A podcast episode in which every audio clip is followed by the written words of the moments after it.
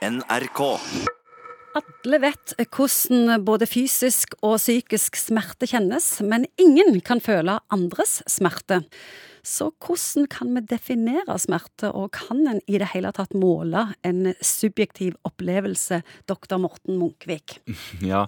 Hva eh, er smerte? Hva er smerte? Ja, smerte er en ubehagelig opplevelse som man har i møte med skade, eller noe som, hvis det får, får lov å fortsette, vil skade kroppen.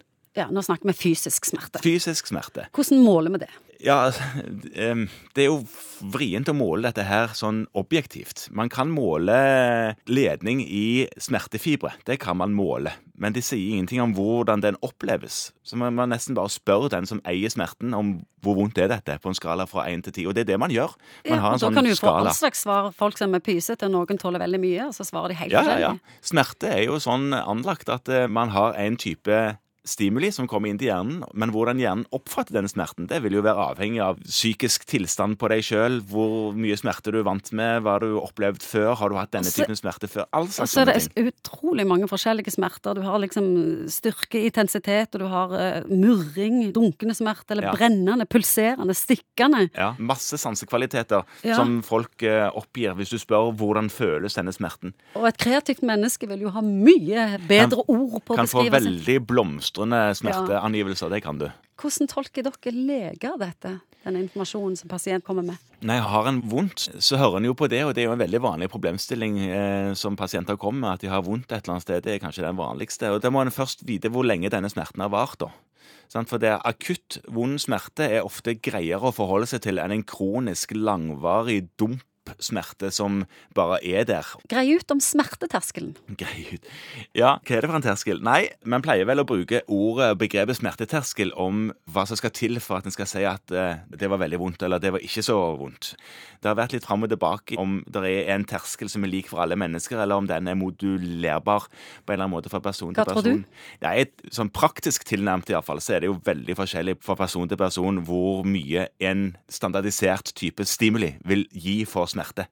Så noen vil jo ikke synes det er så veldig vondt hvis du syr et eller annet, et sår uten bedøvelse, mens andre vil svime av smerte ved den typen tiltak. Sant? Så det, det er veldig, veldig forskjellig. Hvem tåler mest og minst? Smerte, smerte er vanskelig. Hvis du tenker hvem som svimer av fortest hvis de skal ta en blodprøve, så er det menn. Ofte store, staute menn. Men smerte ellers er helt umulig å si hvem som syns at noe er vondt, og hvem som syns det samme er veldig, veldig vondt. Husk at det er liksom denne her smerten som vi snakker om, som er der fordi at den skal beskytte oss. Det å være født uten smertesans er jo livsfarlig. Det dør du av, fordi at du får ikke navigert rundt, og du gjør ting som er skadelig for deg sjøl. Det er den sånn nosiseptive smerten, hvis en skal kalle det det. Og så har vi andre typer smerte, som er nevropatisk smerte. Som, vet du hva, jeg må si noe om nosiseptiv smerte òg, fordi at det òg innvollsorgan kan ha den typen smerteførende fibre. Hvis du har vondt i armen, så har du vondt i armen, sant? Men hvis du har vondt i et innvollsorgan, så er ikke kroppen og hjernen så vant til å tolke smerte fra det organet. Hvis f.eks. leveren gjør vondt, da vil hjernen si Oi, jeg må tro om det er i skulderen denne smerten sitter, fordi han er uvant med smerte fra leveren.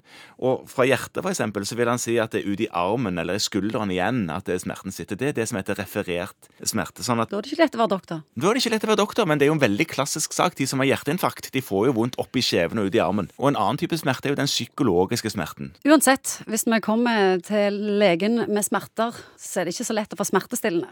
Nei, det er ikke alltid det som behandler smerten, iallfall. En psykisk betinga smerte som eh, en kanskje har gjort at du har vondt et sted, for det går jo an at en psykisk smerte gjør at du får vondt i kroppen. Sånn generelt vondt i kroppen.